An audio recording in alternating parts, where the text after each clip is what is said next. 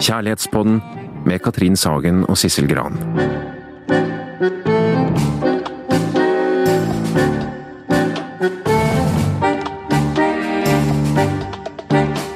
Her sitter Katrin og jeg i studio igjen, og det vi skal gjøre her, det er å utforske det store temaet kjærlighet. Hva er kjærlighetens bestanddeler? Når blir noe kjærlighet? Hvordan varer kjærlighet? Hvorfor knuses den? Og hva kan man gjøre for å få den til å vare? Og en rekke andre spørsmål. Vi skal egentlig by på alt du trenger å vite om kjærlighet. Kjærlighetspodden er laget i samarbeid med møteplassen.no. Hele Norges datingside. Og hva er dagens tekst? Katrin? I dag skal vi fortsette der vi slapp sist, med temaet ufrivillig singel. Jeg vil ha en kjæreste, men jeg får det ikke til. Og vi har med en liten krabat her i dag. Ja. Det er Petter på fem og en halv måned, så hvis ja. han Han sover nå, så kanskje sover han gjennom hele samtalen vår. Kanskje våkner han, så vi kan få høre litt lyd. Ja. Da vet vi at det er han. Ja.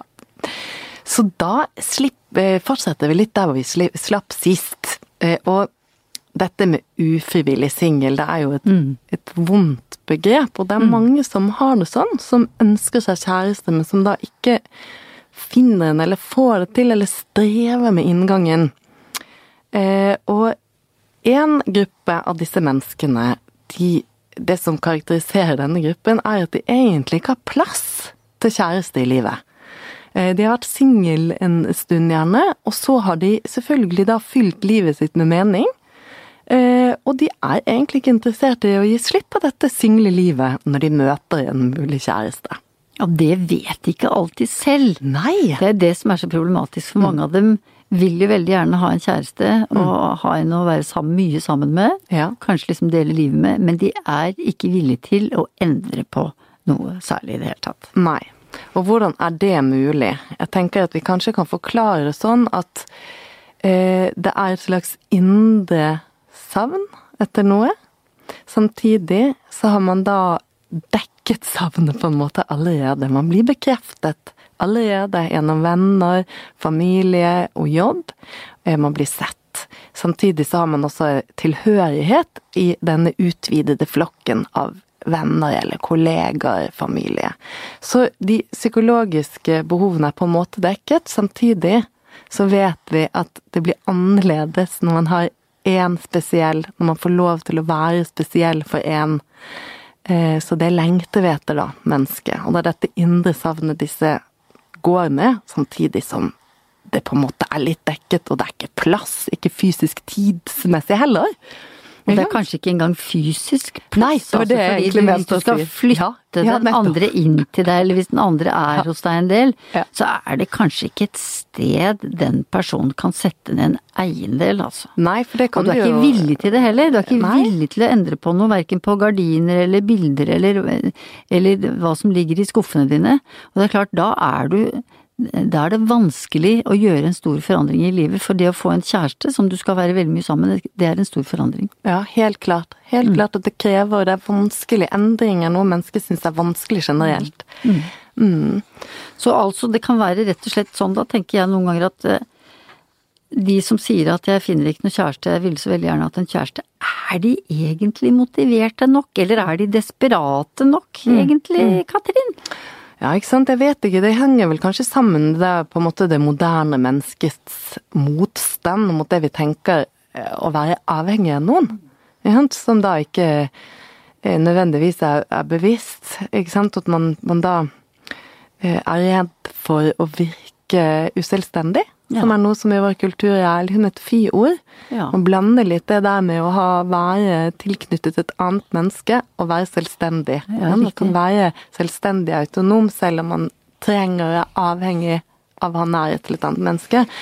Men vi vet jo det, hvis vi skal tenke litt sånn psykologisk forståelse, så vet vi jo det at hvis du er hvis du har vært, og hvis du er trygt tilknyttet, for å si det sånn, altså hvis du føler deg trygg på deg selv, og du kan være trygt tilknyttet en annen, så har du faktisk lettere for å utvikle en autonom væremåte som, som en konstruktiv eh, selvstendig væremåte. Fordi da er du trygg på at Da har du noen som har ryggen din, Da- på en måte. ja. Du kan snu deg, eh, og du har en å holde i hånden om det der bare er mentalt, Ja. når du går ut og skal gå på dette skumle forretningsmøtet eller For intervjuet, eksempel. Ja, for eksempel. Ja.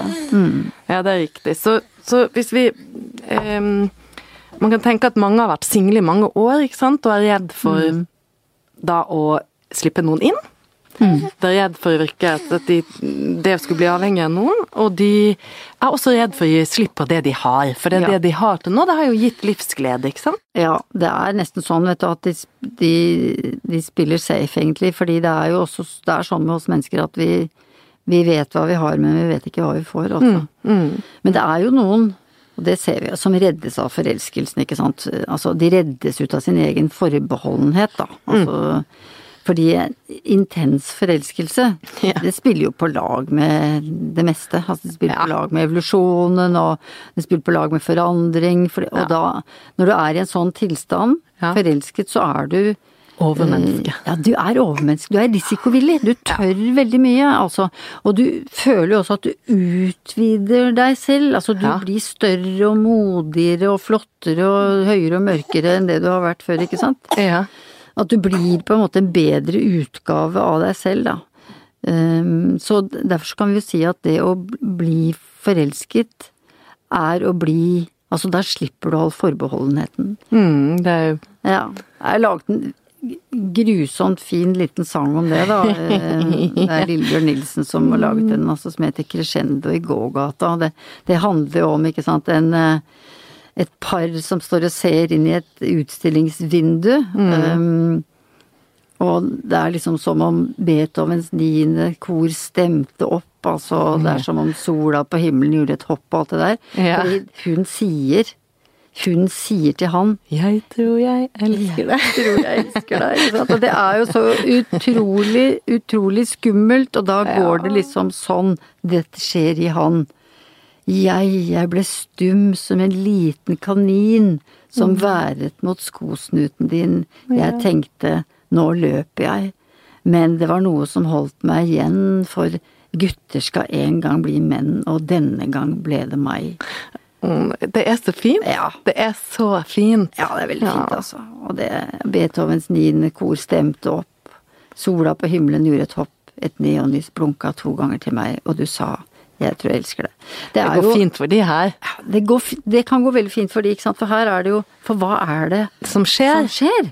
Han eh, tar motet til seg og hopper inn. Ja, åpner hjertet sitt, rett og slett. Ja. det er det han gjør. Mm. Selv om han er redd og føler seg så liten og egentlig ikke tør, så Som kjenner han nå skjer det. Som en liten kanin. Nå ble jeg en mann. Nå Ja, og det er utrolig godt sagt. Gutter skal en gang bli menn, og denne gang ble det meg. Ja, så han sier ja, og det er klart at han får hjelp av henne. Mm. For hva er det hun gjør? Hun er tydelig. Mm, hun blotter seg først. Hun på en måte, er seg, rett og slett. Og hun tør å si hva hun faktisk føler. Hun tar en stor sjanse ved å Mm. Ja. si det. Og, og er ærlig. Mm -hmm. og risikovillig. Mm. Og får det gjensvaret i han som hun trenger. Mm. Og det er klart at hvis hun bare hadde hintet, eller ventet og ventet og ventet på at han skulle si det, så ville kanskje dette aldri blitt noen ting. Nei. Men det at hun er så modig og eksponerer sine følelser, det gjør at det åpner seg en dør i han. Får vi bare håpe han har også plass i livet sitt til henne. I det videre. Ja. Mm.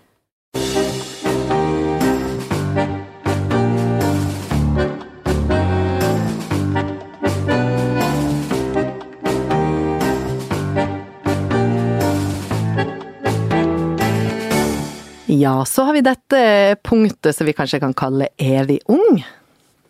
Ja, skal vi Ja. litt om den gruppen? Ja, altså de som, som eh, tenker at jeg har all verdens tid. Ja. Jeg har all verdens tid, ja. Mm. Ja, i 1964 tenker jeg på da, så, for jeg har jo levd en stund her, så kom det en sånn dundrende slager, altså som var datidens poplåt, da. Med Wenche Myhre, som het eh, La meg være ung, eller Jeg vil være ung. Um, ja, du husker den kanskje? jeg husker den kjempegodt. Altså, la meg være ung, je, je, je. Ja. Mm, La meg være i fred. La meg være ung, la meg følge med. La det være stopp med din vrøvling om hopp. Du som ikke forstår, du som samler på år, du som tramper og trår på den vei som er vår, du er tung, la meg være ung. Du er tung, la meg være ung. Ja, det var jo en sånn beskjed til de, til de gamle foreldrene, vet du, og til Ja. den gammeldagse generasjonen om å få Uh, om at man som at, la, la ungdommen være ung, la oss Mm. være i fred, la oss uh, få lov til å ha vårt liv. Mm. Ja, så du snakker til de, ikke til partneren sin? Nei. Nei. De snakket til gamlisene. Men i dag så er det jo sånn at folk vil være veldig mye altså lengre unge enn det folk ville på 50- og 60-tallet, da. Fordi når vi ser på bilder av Jeg ser på bilder av mine foreldre iallfall. Da de var sånn 30-40 år, så ser de jo utrolig satt ut. Mm, veldig voksne ut. Ja, veldig voksne med hatt og frakk og drakt og håndveske og sånn, ikke sant. Mens i dag så, så har dette forflyttet seg altså veldig. Og må helt motsatt vei, Ja, eh, rett og slett. At jeg tror det var eh, Dagbladsmagasinet som nylig hadde en reportasje, altså at 70 er det nye 30. Ja, nettopp. Da er det jo Da har vi kommet langt. langt. oss 150 år. Ja, ja. Men hvis du går tilbake til den der ungdoms- eller evig ung-kategorien, er det sånn, Sissel, at det er Tenker du, Er det flere menn i denne kategorien, eller er jeg fordomsfull eller veldig sånn biologisk innrettet nå? Altså jeg tror nok at det er veldig mange flere kvinner som jobber hardt for å se unge ut. Ja. Og som mer trener og føler seg unge, og som er veldig glad over komplimenter. Altså, når folk sier til meg 'å, du ser så godt ut' og sånn, og så du ser jo mye yngre ut enn det du er, så sier jeg strengt noen ganger nei. Ikke ros meg for det, fordi at eh, jeg er den alderen jeg er. um, men for jeg tror at det er veldig, man anstrenger seg veldig for å se ung ut, for å virke ung, og for å på en måte benekte at man er over 50, over 60, over 30 osv. Men jeg tror nok det er flere menn enn kvinner som syns at de har god tid når det gjelder å Ja, etablere seg i et parforhold med tanke på kanskje familie. Ja, det tror jeg. Mm. Som, som kjenner seg evig ung, eller som har all verdens tid, som du Som sier. har all verdens Ja. tid. Ja. Og det, de har jo også bedre tid enn en kvinner, og det De skaper har jo en sånn usynkronhet i, i mange Forpli nå tenker vi også mange- det, for, ja. det å få kunne få barn. Mm, For eksempel det. For eksempel, Mm. At ja. det er vanskelig hvis dette her er uh, usynkront, altså. Ja, for én ting er jo dette med å føle seg klar for å få barn, eller tenke hvor god tid man har til det. Eh, En annen ting er dette med å forplikte seg, tørre å gå for én. Forpliktelsesangst er det jo noen som holder på med, og hva er egentlig det? Ja, det kan du lure på, altså, for det, vi kan jo um, Noen har jo det, fordi de, som vi har snakket om, de, de vil rundt neste sving. Fordi de tenker at det er mer å hente, mer å hente, mer å hente. Men noen har det jo sånn at de er forferdelig redde for at det skal gå feil. Eller de er forferdelig redde for å bli veldig såret, ikke sant. Fordi eh, de har kanskje blitt såret før. For det er jo en del folk med kjærlighetssorg som er blitt så såret før at de tør nesten ikke ta sjansen på å gå inn i noen ting igjen.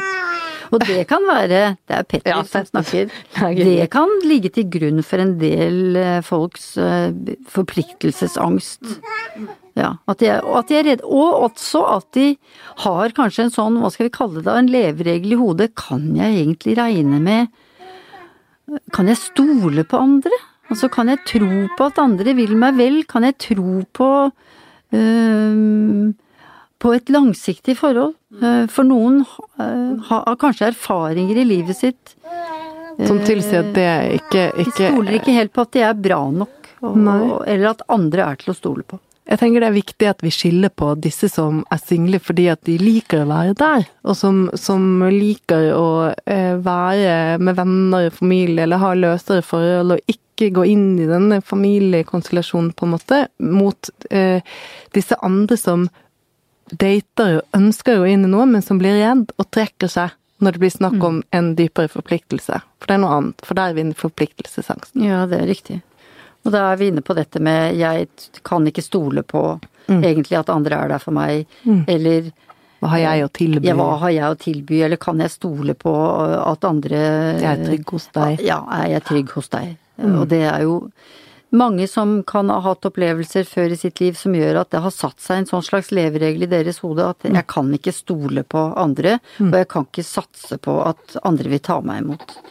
Og at det holder dem igjen, ofte uten at de vet at det er det som romsterer i dem. Nettopp. Så er du en som sitter der og merker at du eh, trekker deg hver gang det kommer til å skulle bli noe sånn alvorlighet inn i bildet, så, så kan det være lurt å ta en liten tenkepause. Hva er det jeg driver med? Ja. Hva handler dette om? Er det det at jeg egentlig bare har lyst til å være singel, eller ha litt sånn løsere forhold? Eller handler det om at jeg blir redd, eller Ja, det kan være, være en lur ting å gjøre. Ja. Ja.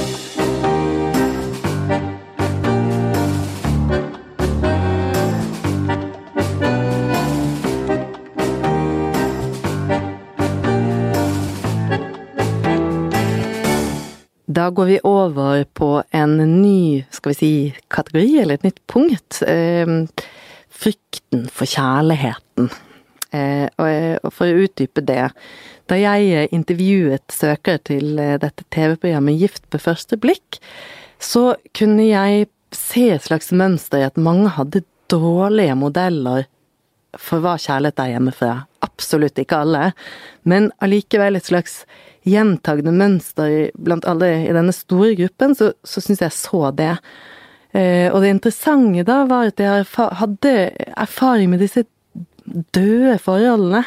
Altså foreldreforholdene. Foreldreforholdene. Det som er deres rollemodell for voksenkjærlighet, på en måte, var, var ikke så god. Eh, Det var ikke så mye kjærlighet, og det var ikke så mye å lære om hva, hva det er å være et par, som gjorde at de uttrykte på en måte en svekket tro på kjærligheten. Akkurat. Mm, frykt for skilsmisse, men også svekket tro for kjærligheten, og samtidig sitter da med lengsel etter kjærligheten og sier 'jeg vet ikke ordentlig hva det er'. Akkurat. Ja, nettopp. Det er viktig også, fordi det er jo mange unges erfaring i dag. Altså Både døde forhold, men også skilsmisser, Ja. ikke sant? Vonde skilsmisser. Ja, absolutt. Absolutt. Men grunnen til alle Altså til oppbrudd før, Mm. ikke sant, og gjengift og nyfamilier og sånn, det var jo ofte at den ene forelderen hadde dødd. Uh, I sykdom eller i barsel, ikke sant. At um, det var jo ikke sånn før at stort sett at foreldrene frivillig gikk fra hverandre. Altså til tross for barnas strev og protest. Men det skjer nå. Og det er nok vanskelig for mange barn og ungdommer og unge voksne at um, den erfaringen de har med at foreldre har gått fra hverandre, og noen ganger på en vond måte. Um, de fleste vet vi jo, barn og unge og unge voksne går det bra med til tross for at foreldrene har gått fra hverandre på en vond måte. Men spørsmålet er også hva er bra? Altså, vi vet ikke nok om det egentlig, fordi. Ehm, vi vet ikke egentlig hvordan eh, de unge voksne skilsmissebarna har det, og hvordan dette slår ut, eh, det at de har den erfaringen de har med foreldrene, hvordan det slår ut i deres egne parforhold, eller muligheten til å, å mm, få seg et godt parforhold sett, altså selv. Nei. Eh, Og kan det du snakker om nå, kan vi knytte det opp mot at de eh, har mistet troen på kjærligheten, eller at de har blitt så redde for selv at ikke de skal kunne klare å bevare kjærligheten, at de selv også skal bli skilt, at de blir forbeholdne. Ja, det tror jeg. Det tror jeg. Mm. Dette med frykten for at vi skal ende opp da enten i skilsmisse eller i et sånt dødt forhold, som, som på en måte er en taus skilsmisse, kan man si. Skilsmisse i- inni hjemmet, eller hva jeg skal kalle det for. Det er en forsker og psykolog som heter Judith Wallerstein, som Ja. eh, har, hun har skrevet en bok som heter eh, om skilsmissens skjulte arv. Og eh, hun har snakket med unge voksne og voksne som eh, hadde foreldre som ble skilt, Ja. og som har strevd med det som voksne uten å skjønne hvorfor de har strevd med det. Altså hvor. Mm. at det har vært et bakteppe i deres liv, på en måte, og gjort det litt vanskelig for dem i deres egne parforhold og ekteskap. Mm. Og det eh, Jeg husker en av de kvinnene hun intervjuet, hun øh, gikk så ofte og ventet på katastrofen der hjemme, altså når det ble nye krangler og nye konflikter mellom foreldrene. Det var liksom eh, rolige perioder, og så som gikk litt på tærne. Og det har hun også gjort i, sitt eget eh, liv og i sine egne parforhold. Jeg husker det at det hun sa, denne kvinnen, det er det er verst når jeg har det bra, for da venter jeg bare på katastrofen. Ja. Ikke sant? Så det er med å få en sånn instruksjon, eller få en sånn eh, sånn destruktiv idé plantet En slags modell om at Mm. hvis det er bra, så betyr det at det snart kommer Snart noe smeller det. Ja, Ja. Og det er jo eh, også det, det vi har sett, er at mange unge, unge voksne har tatt seg så veldig av forlatte foreldre, altså eller den forlatte forelderen, da. Eller vært nødt til å forholde seg til eh, nyforelskede foreldre, hvor det er veldig liten plass til de unges egne følelser. Noe som kan gjøre dem nokså sånn handikappet, altså i møte med en mulig kjæreste. Si det så brutalt som at da er det ikke plass til dette barnet eller denne ungdommens eget, eget indre, på en måte. Det er ikke Deres plass. følelser. Det er ikke Nei. plass til det. Nei.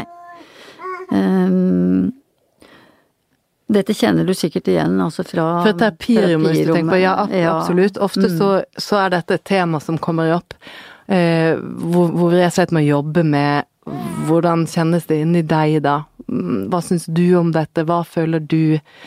Eh, og svaret som kommer er ofte 'jeg vet ikke'. Mm. Og som psykologer da, så tenker vi jo at bak 'jeg vet ikke', så finnes det masse overhensynsfullhet, for å kalle det tilpasning. Nummenhet av eget følelseslivregister. Egne følelser satt på vent i så mange år, eller noen så kritiske steder i livet. Eh, Og at det er blitt en slags instruksjon at mitt er ikke viktig, så det er ikke noe vits i å omtrent produsere følelser, for det er ikke noe jeg handler på uansett. Nettopp.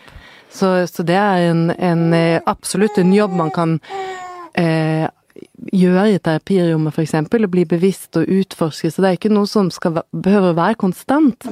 Eh, denne følelsen av nummenhet eller avkoblethet eller sånn, men det er slett ikke noe som nødvendigvis skjer seg selv.